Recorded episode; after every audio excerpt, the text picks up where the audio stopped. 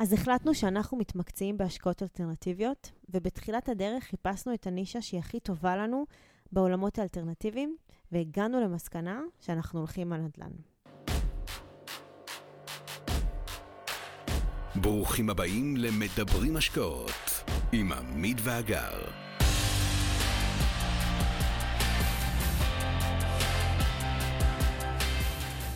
אז למה נדל"ן הוא אפיק ההשקעה המועדף עלינו? בואו נתחיל עם הסיבה הראשונה. צורך קיומי.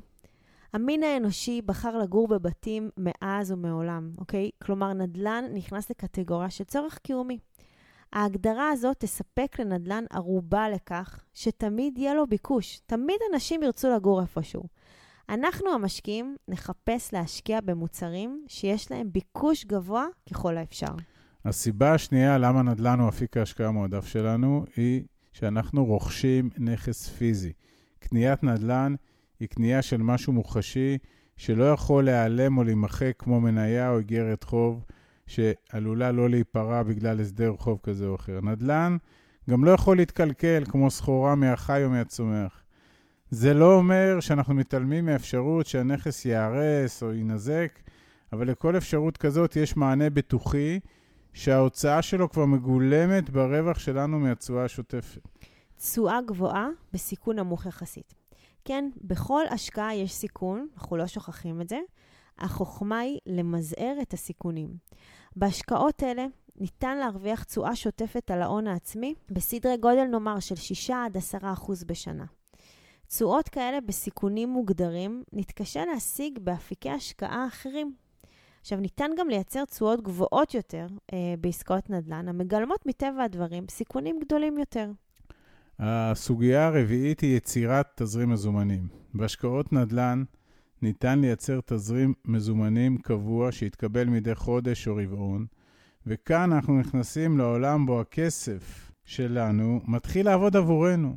זו הכנסה פסיבית מובהקת. כיוון שהכסף מגיע באופן פסיבי מעסקה אחת או משתיים או מיותר, עלינו גם לגבש אסטרטגיה של שימוש מושכל בכספים האלה. ככל שנדע להשקיע בחזרה את כספי התשואות מהנכסים ברכישת נכסים נוספים, נוכל לייצר תוך תקופה של שנים אחדות מכונת מזומנים שמייצרת עוד ועוד כסף.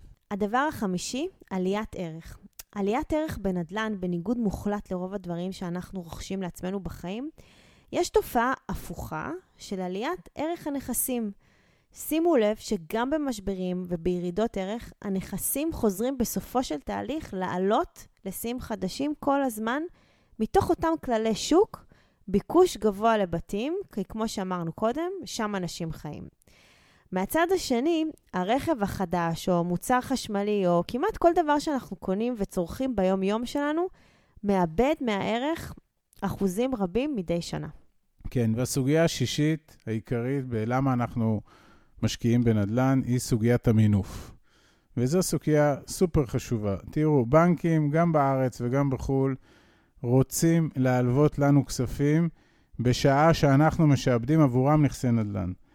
כשאנחנו מקבלים משכנתה, הבנק מוכן לתת לנו הלוואה שלא נקבל בשום מקרה אחר, והסיבה לכך היא פשוטה. הבנקים יודעים שהשקעה בנדל"ן תהיה רווחית עבורם, והיחס בין הסיכון לסיכוי בהלוואות מסוג זה, ברוב המכריע של המקרים, משחק לטובת הבנק. יתרה מכך, שימו לב, הבנקים ילוו לנו כסף לקנות נדל"ן, אבל לא ילוו לנו כסף לקנות את מניות הבנק עצמו. זו נקודה למחשבה כיצד הבנק מתייחס להשקעה בנדל"ן. כספים ממונפים בריביות נמוכות, נגיד באזור ה-3 עד 4 אחוז ריבית שנתית ההלוואה, שבאמצעותם לרכוש נדל"ן, שיניב 6 עד 10 אחוז תשואה שנתית, יסייעו לנו להגדיל את ההון שהשקענו ב-3 עד 6 אחוז, כמובן גם צריך לנקות מיסים.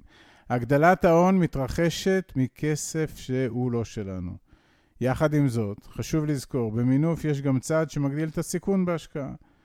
שכן, אם ההשקעה הזאת לא תניב את התשואה הנדרשת, נצטרך עדיין לפרוע את הקרן והריבית של ההלוואה. על כן, חשוב לתכנן הלוואות ומינופים על בסיס יכולת ההחזר הקיימת לתא המשפחתי, מתוך ההכנסות השוטפות, ולא להיבנות רק על תוכנית שהתזרים מההשקעות הנדל"ניות ישרת את החובות של ההלוואות שנמתחו. תודה חברים. עד כאן להפעם. כרגיל, שמחנו לשתף בידע ובניסיון שלנו, מקווים שנתרמתם. מי שממש רוצה להכיר ולהיחשף להזדמנויות ההשקעה בהן אנחנו משקיעים, מוזמן לאתר שלנו, תוכלו למצוא הכל שם.